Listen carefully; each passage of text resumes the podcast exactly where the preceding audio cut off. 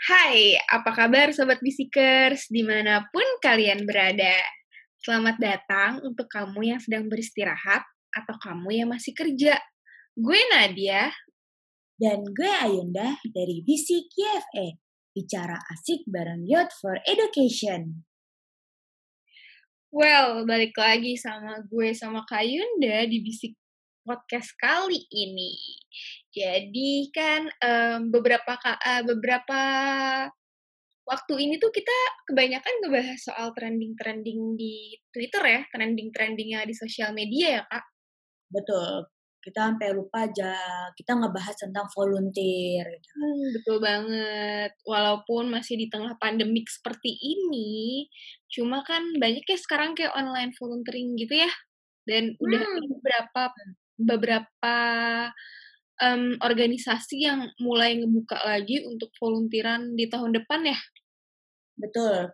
Udah banyak juga nih uh, NGO NGO volunteer atau mungkin ya kegiatan-kegiatan volunteer yang akan dilaksanakan tahun depan itu pun uh, mungkin mereka udah berani kali ya untuk ngadain itu karena emang udah diprediksiin sih tahun depan semoga pandemi ini tuh udah berakhir ya jadi orang-orang yang pengen volunteeran tuh bisa tahun depan terrealisasi.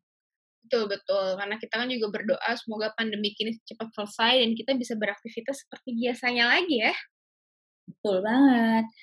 Nah, kali ini nih aku sama Nadia mau ngebahas tentang apa sih pentingnya volunteeran di apa ya di kehidupan untuk kehidupan ini. Hmm, betul banget. Jadi kan sebenarnya kalau kalian ngelihat ke podcastnya Bisik YFE sebelum-sebelumnya, mungkin mulai dari episode 3 sampai episode keberapa belasan gitu, kita banyak ngebahas soal volunteer, lalu juga kita ngebahas soal um, perbedaan volunteer itu apa aja sih, dan juga hmm. tentang apa persiapan volunteer dan juga, juga uh, cerita dari teman-teman cerita dari teman-teman YFE sendiri tentang kegiatan volunteernya mereka. Ya nggak sih kak? Kita kan juga sempat cerita ya. Betul betul banget. Jadi ada sisi sharing lah. Apa sih enaknya volunteer? Apa sih kegiatannya uh, ngapain aja? Manfaat yang kita dapat tuh apa kayak kan dapat tuh dari teman-teman YFE nah sekarang kita jelasin lagi lebih mendetail Oke, jadi sebenarnya kalau kalau bahas tentang itu kalian bisa coba cari di podcast Bisik YFE episode-episode sebelumnya karena kita udah ngebahas tentang cerita kita dan juga tentang apa sih persiapan untuk volunteer. Cuma mungkin yang teman-teman banyak yang masih ragu nih sih. Yang ragu nih masih banyak banget nih. Jadi hmm. kenapa sih gue tuh harus banget seumur hidup gue nih maksudnya selama gue hidup nih gue harus ikut volunteer. Itu kenapa sih? Gitu. Nah, sebelum kita sebelum kita ngebahas lebih deep lagi tentang ini, aku mau nanya dulu sama Kak Yunda. Mungkin aku udah pernah nanya, tapi nggak apa-apa kita bahas lagi. Kak Yunda kenapa mau ikut kegiatan volunteer? Mungkin kalau pertama kali aku pengen ikut volunteer tuh nambah ini ya, nambah pengalaman.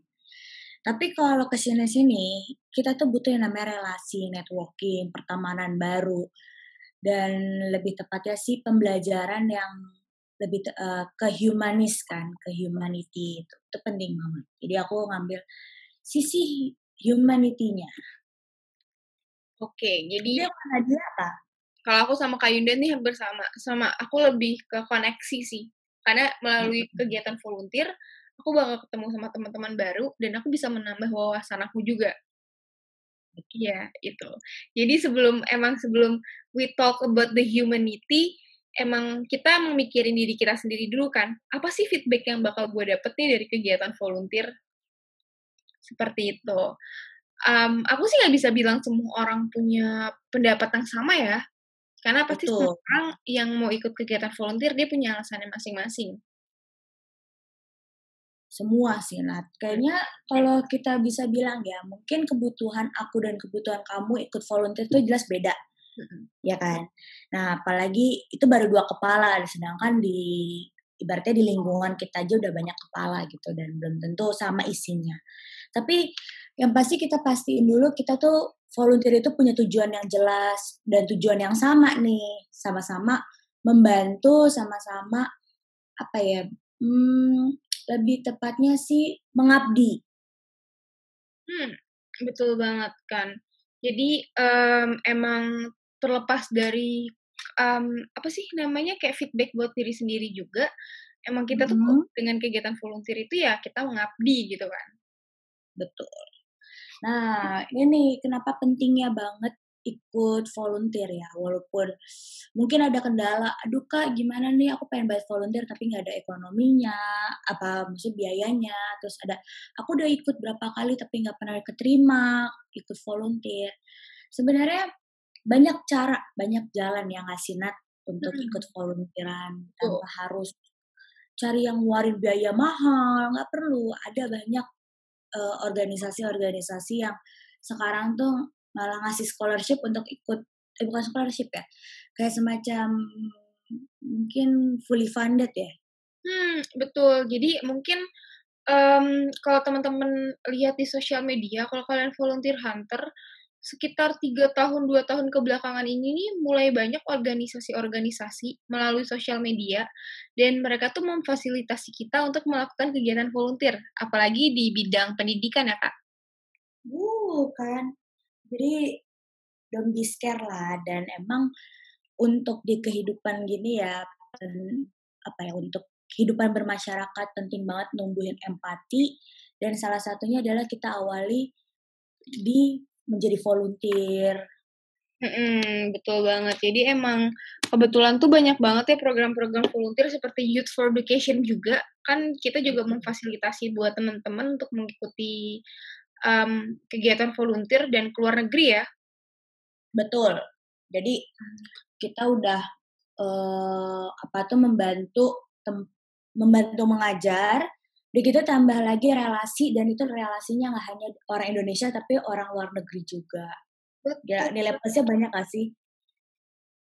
Betul banget. Jadi kalau kita emang fokus ke luar negeri. Jadi, mmm, balik lagi nih, apa sih sebenarnya pentingnya untuk kegiatan volunteer ini sendiri, gitu? Nah, Mhm.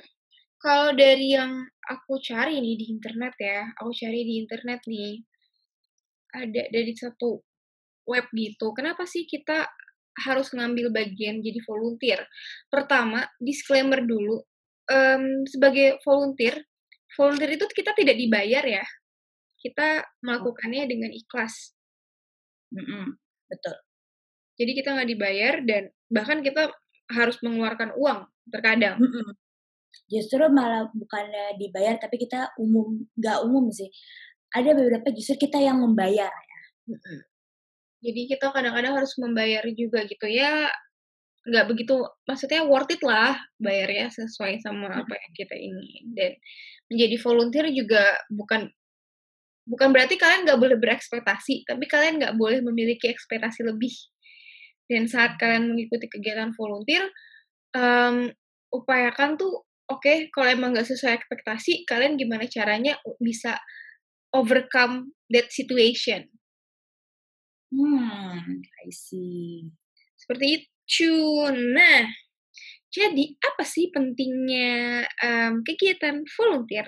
Kenapa sih kalian harus ngikut dengan volunteering? Pertama banget, Kak, ini yang paling pertama banget lah. Apa tuh?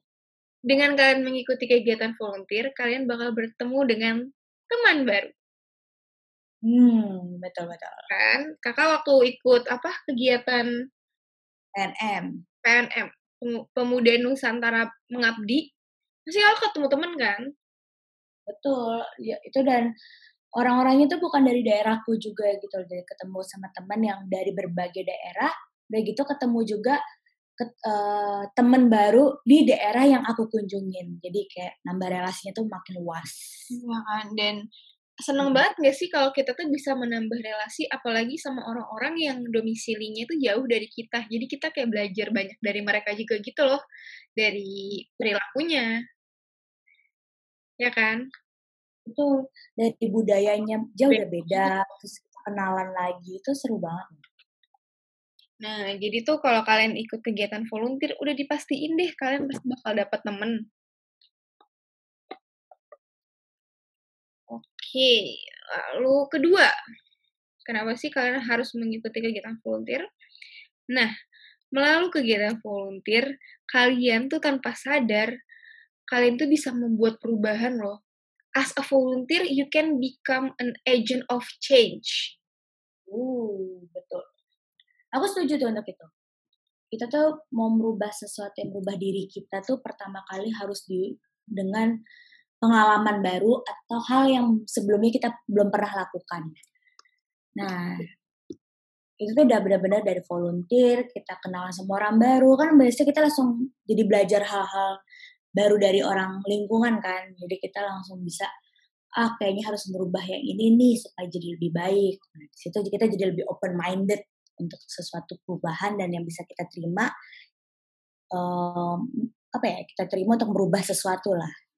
Hmm, betul banget. Jadi melalui kegiatan volunteer itu tuh kita tuh bakal gini lah pokoknya ibaratnya tuh emang kadang sih kita volunteer cuma sebentar ya, jarang banget ada yang kayak volunteer sampai setahun gitu ya kak. Paling jarang, jarang. Ya, ada tapi sebulan, jarang. Sebulan, tiga bulan kayak gitu kan. Sebulan tiga bulan volunteerannya. Nah, hmm. tapi guys, kalau kalian melakukan kegiatan volunteer itu dengan ikhlas dan dengan benar-benar yang kalian tulus ngerjainnya, kalian tuh nggak tahu kalau apa pun sekecil apa pun yang kalian lakuin tuh bisa berguna dan bisa bermanfaat buat orang-orang tersebut. Mungkin emang ibaratnya dari 10 orang nih yang kalian temui dalam kegiatan volunteer kalian, kalian lihat kayaknya ah nggak ada ah perubahan sama sekali, tapi pasti ada satu, pasti ada satu orang dari sekian banyak itu, dari 10 orang lah kita anggap, dia termotivasi dan dari motivasinya dia, dari akhirnya dia bermotivasi, dia bisa memotivasi teman-teman lainnya. Dan akhirnya menjalar, menjalar, menjalar, menjalar, menjalar. Jadi kalian jangan takut kalau kalian ngerasa, aduh, gue volunteer nih cuma sebentar, nggak mungkin lah gue bisa ngebuat perubahan. Iya, emang kalau mau ngebuat perubahan signifikan sih nggak bisa. Tapi paling enggak kamu tuh bisa ngasih titik sedikit motivasi, harapan ke anak-anak tersebut, ini khususnya di bidang pendidikan ya, di bidang pendidikan. Betul. Kan bisa ngasih walaupun cuma sedikit, dan itu tuh mereka bakal kenang selamanya, dan itu bisa menjadi motivasi mereka untuk juga memotivasi teman-teman lainnya. Hmm, menarik banget ya, Nat. Hmm. Terus ada lagi nggak nextnya, Nat? Nextnya lagi. Nah, Kak, aku mau nanya dulu nih. Waktu kakak volunteer, selain volunteeran kakak ngapain? Kegiatannya? Pastinya ya, kalau dari sisi duit aku adalah jalan-jalan. jalan-jalan. Nah, iya betul sih. Salah satunya jalan-jalan. Karena kalau kita mengikuti yang volunteer-volunteer, yang kalau kalian suka nemu di Instagram tuh, pasti bakal dapet city tour ya. Betul. Bakal dapet city tour. Tapi selain itu, kalian pun bisa belajar banyak hal dari kegiatan volunteer lainnya loh. Contohnya, kayak waktu aku lagi volunteer di Thailand, Kak, yang mm -hmm. sama Desember, di sana akhirnya aku belajar masak. Wah, wow, dari sebelumnya bisa ya. Nah, kebetulan Nadia ini kagak bisa masak dulunya cuma masak doang bisa dan akhirnya mau nggak mau harus memaksa diri dong jadi tuh apa setiap lagi volunteer tuh aku harus harus ada HP supaya ini ingredientsnya gimana cara masaknya kayak gimana supaya biar nggak kelihatan bodoh-bodoh banget I see. Jadi menambah skill baru ya. Hmm, skill baru banget kan. Kalau kakak waktu PNM masak-masak juga gak sih? Wah, kebetulan di PNM aku nggak sempat masak-masak karena tempat uh, tinggal aku tuh nggak ada kompor. Hmm. Tapi kan sih bukan masak tapi mempersiapkan. Jadi kita kalau mau makan tuh kita kan siap-siapin gitu. Jadi kita lebih ke bebenah ngerapiin. Jadi kayak apa sih kalau bilang table display-nya lah. Tapi hmm. ada satu hal yang aku suka kalau pas saat uh, aku volunteeran. Jadi kita tuh kan biasanya kalau makan tuh sendiri-sendiri ya, piring sendiri, uh, apa tuh makannya ya pokoknya individual. Tapi kalau ini tuh makannya tuh rame-rame bareng-bareng di satu apa sih kayak kita bukan bilang apa ya semacam wadahnya tuh gede gitu loh kayak waj bukan wajan, ya semacam wajan kayaknya. Itu tuh makan rame-rame kayak gitu. Jadi kayak kekeluargaannya tuh berasa banget dan jadinya kayak padahal sih bentar ya volunteeran tapi karena saat uh, makan tuh kita bareng-bareng jadi kita merasa jadinya lebih intens dan lebih dekat. Itu sih waktu pengalaman aku di volunteer dan emang sayang banget nggak sempet masak-masaknya sih kayak jadi kurang deh nambah skill masaknya bahasa bahasa kerennya tuh ini kalau di Semarang tuh kita nyebutnya seraung oh, bareng-bareng gitu loh seraung gitu. Oh. itu sih keren sih keren keren keren keren. Itu tuh um, emang jarang tuh ditemuin. Pakai kayak ini kan apa uh, bungkusan nasi gitu terus di disebar gitu kan kak? Iya betul betul kayak gitu kayak gitu. Iya kayak gitu. Emang keren banget sih. Aku juga jadi kangen deh makan kayak gitu. Kayak kalau sekarang nggak bisa ya karena crunch ini koronce jadi kita mau makan kayak gitu kita takut sebelah kita nih sehat apa enggak betul makan aja social distancing ya sekarang iya betul betul Duh, sedihnya. Oke, lanjut Nat. Abis itu apa lagi? Nah, apalagi kalau kalian ngikutin kegiatan volunteer yang jauh dari tempat tinggal kalian ya. Contoh nih, aku kan orang Jakarta. Jakarta. Hmm. Biasa ngomongku kayak gini nih. Terus tiba-tiba aku ke daerah contoh ke daerah Jakarta Barat lah ya. Tapi Jakarta Baratnya yeah. ujung banget itu loh. Tentu mereka di sana pakai bahasa Sunda kan. Betul. Begitu. Nah, dari kegiatan volunteer kalian juga bisa bakal kenal bahasa baru dan belajar bahasa baru. Uh. Jadi nambah apa ya? Nambah uh, apa sih pengenalan bahasa baru ya. Betul. Dan yang satu sih satu hal yang gak pernah aku sangka gitu. Waktu aku dulu tuh sebenarnya awalnya tuh pengen ke Thailand karena nonton film Thailand kan. Hmm. Film Thailand.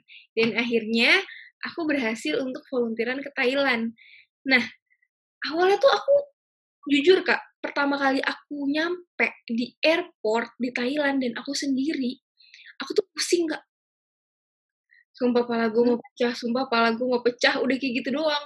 Tau gak kenapa kenapa? Karena aku nggak ngerti mereka ngomong apa.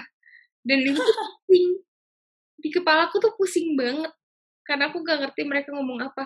Tapi kelama kelamaan karena kan dulu kan aku 2017 ke sana kan aku sekitar tinggal hampir dua bulan ya. Oh iya iya, iya. akhirnya aku mulai kebiasa kan akhirnya aku mulai kebiasa uh, jadi adaptasi lah sama bahasanya. Dan sampai sekarang pun aku akhirnya jadi kayak senang sama belajar bahasa Thailand dan mau belajar bahasa ini gitu loh. Jadi nambah skill bahasa baru lah gitu. Hmm, interesting. Hmm nggak pernah kan kebayang sebelumnya gitu. Mungkin kalau kita dengar cerita kayak Kak Tesi, Kak John, Kak Owi, Kak Shona, Kak Shiva, Kak siapa? Kak Kak Aib. Kan mereka udah pernah ke Vietnam kan? Oh. Aku udah pastikan pasti mereka juga bakal tertarik sama bahasa Vietnam itu sendiri walaupun juga sama susah kan tapi seenggaknya tuh kita tuh kayak tambah interest baru ke bahasa lain gitu loh selain bahasa ibu kita dan bahasa hmm. Inggris gitu. Iya. Terkadang kita tuh butuh tahu belajar untuk uh, bahasa ketiga hmm. sekarang ya. Jadi bahasa Indonesia, kalau bahasa ibu ya bahasa ibu, bahasa Inggris sebagai bahasa internasional dan bahasa ketiga itu kayak bahasa yang memang berbeda dari uh, bahasa ibu dan bahasa Inggris. Itu udah dapat nilai plus ya. Betul banget. Wah, menarik, menarik, menarik banget nggak sih tuh kayak kita ke negara yang berbeda bahasanya dan kita jadi nambah bahasa baru gitu. Betul. Jadi pokoknya kegiatan volunteer itu tuh nggak cuma um, kalian yang kalian yang mengajari, tapi kalian juga belajar. Hmm, ya benar banget. Jadi kita nggak perlu apa ya? Jadi kita ibaratnya ikut volunteer tuh nggak cuma sekedar jalan-jalan, nggak sekedar kita be, apa tuh mengabdi, tapi kita juga bela, ikutan belajar. aku sendiri ya kak setelah aku ngikutin kegiatan volunteer bohong banget aku tuh nggak craving untuk nyari kegiatan volunteer-volunteer lainnya karena ketagihan. Hmm. Kali kamu ikut, kamu bakal ketagihan. Betul. Aku pun setuju untuk itu. Setuju banget malah. Karena aku setelah PNM kan ada jeda tuh. Setelah jeda itu aku nyari-nyari-nyari informasi volunteer dan lain sebagainya. Uh, pas udah mau ikut, muncullah muncullah pandemi. Jadi ya udah berarti emang bukan rezeki ya, tapi setidaknya setelah kita ikut volunteer tuh kita akan jadi ketagihan untuk ikut kegiatan-kegiatan volunteer lainnya gitu. Hmm, betul banget. Jadi kalian kayak, gue pengen banget nih, kayak, gue pengen banget nih ikut lagi gitu loh. Tapi yang pasti ini ya, maksudnya kalian juga um, lihat waktu kalian juga itu sama apa waktunya itu sesuai nggak sama jadwal sekolah atau kuliah kalian atau kerja kalian? Dan juga um, karena kan kegiatan volunteer kan emang kita ada yang bagian kayak self funded, fully funded sama ada yang half ya, yang partial gitu. Sesuailah sama budget kalian, jangan terlalu memaksakan, jangan terlalu memaksakan karena karena mungkin ini karena dia sama Kak Yunda nyuruh gue banget nih untuk ikut kegiatan volunteer gitu kan. Uh, oh. Tapi aku nggak lolos nih di bagian fully funded. Aduh gimana dong, gue harus banget nih ikut gitu kan. Nah kalian jangan gara-gara memaksakan. Gara-gara Kak Yunda sama Kak Nadia nih ya pokoknya harus ikut gitu.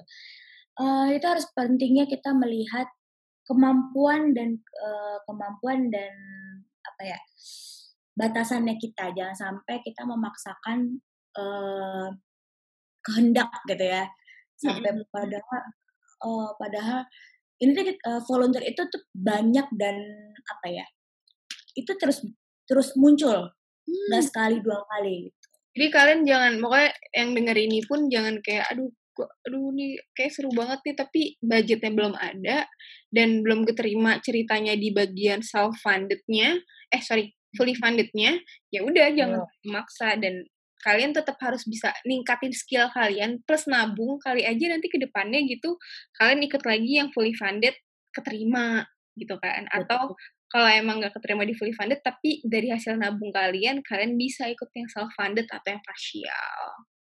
Betul banget. Nah kalau nggak nih misalnya nih uh, aduh nggak cukup nih dananya. Kalian bisa ikut volunteeran di kota kalian dan itu banyak banget. Itu tuh sangat banyak. Karena walaupun Jakarta, aku ya aku di Jakarta tuh kalau nyari vol, uh, volunteer tuh banyak banget asalkan kita mau. Dah itu poinnya. Banyak banget kok kegiatan volunteer atau emang kalau kalian pengen banget nih gimana sih uh, kegiatan volunteer tuh ngapain sih? Kalian coba lihat lingkungan kalian dulu sendiri apakah di lingkungan kalian itu udah baik keadaannya? Contoh pendidikannya, apakah semua anak-anak di lingkungan kalian sudah mendapatkan pendidikan seperti apa yang um, harus diwajibkan gitu kan? 12 tahun sekolah, wajib sekolah gitu. Dan kalau kalian melihat ada yang mungkin belum sekolah atau gimana, kalian bisa ngajak teman-teman kalian, eh ini di daerah gue ada problem gini-gini-gini dan kekurangannya gini-gini-gini, gimana kalau kita ngebuat kegiatan seperti ini seminggu sekali gitu kan. Paling enggak bisa ngebantu mereka lah walaupun uh, mereka nggak bisa menempuh pendidikan seperti kita. Kayak gitu itu juga ada kegiatan volunteer kan? Betul banget. Makanya kalau kalian pernah dengar relawan mengajar anak bawah apa tuh anak kolong jembatan atau enggak anak jalanan itu kan ada hal kecil loh. Hmm.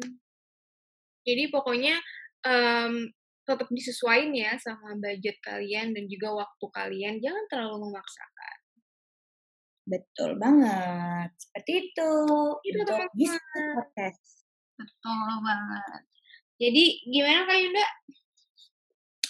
Jadi sekian dulu ya untuk bisik podcast kita hari ini. Nah jangan lupa nih cek juga Instagram kita di Youth for Education. For-nya pakai angka 4 dan jangan lupa cek juga uh, Twitter kita di Youth for Educate tuh, educate tuh, pakai angka dua. Nah, jangan, uh, jangan lupa juga nih cek Facebook kita di Youth for Education. Tulisannya biasa aja sama Youth for Education. Dan bagi kalian nih yang suka TikTok kan, hmm, ini lagi booming nih TikTok ya. Cek juga di Youth for Education sama kayak Instagram ya namanya. Dan bagi kalian yang kepo banget sama aktivitasnya YFE ini apa aja, kalian bisa cek ke website kita di youthforeducation.org. Seperti itu. Betul banget teman-teman. Jadi jangan lupa untuk juga selalu dengerin Bisik YFE setiap hari Selasa dan Jumat. Dan kalau kalian pengen ngasih kritik, saran, atau mau cerita, atau mau featuring sama kita, kalian bisa banget langsung ke email kita, langsung send ke email kita di bisikpot bisikyfe at youthforeducation.org. Sumpah kak, aku hampir lupa. Bukan bisik podcast ya? Bisik YFE, ya pun maaf ya guys ya. Bisik YFE at youthforeducation.org dengan subjek bisik underscore cerita, judul cerita yang ingin kalian kirimkan. Seperti itu gampang banget kan? Uh, gampang banget. Pokoknya. Jadi gimana kak? Gimana? Jadi, pokoknya kita. eh pokoknya uh, tungguin aja uh, podcast-podcast kita yang akan tayang selalu di hari Selasa dan di hari Jumat jam 7 kisaran jam 7 lah kalau tidak ada permasalahan koneksi internet dan lain sebagainya. Betul dan pokoknya um, kalau kalian dengerin podcast ini kalian wajib hukumnya fardu ain. fardu ain buat kalian untuk nge-share podcast ini ke teman-teman kalian lainnya. Jangan lupa tag juga ke Instagram atau mungkin kalau kalian mau nge-share di Twitter, kalian bisa langsung nge-tag ke kita dengan tadi yang udah disebutin sama Kak Yoda sebelumnya, supaya bisa kita repost, bisa kita retweet. Betul banget. Dan jangan lupa share juga uh, podcast-podcast kita sebelum-sebelumnya yang kalian dengar. Oke, kalau gitu gue Nadia. Dan gue Yunda. Kita pamit undur diri dulu. Bye-bye. Bye-bye.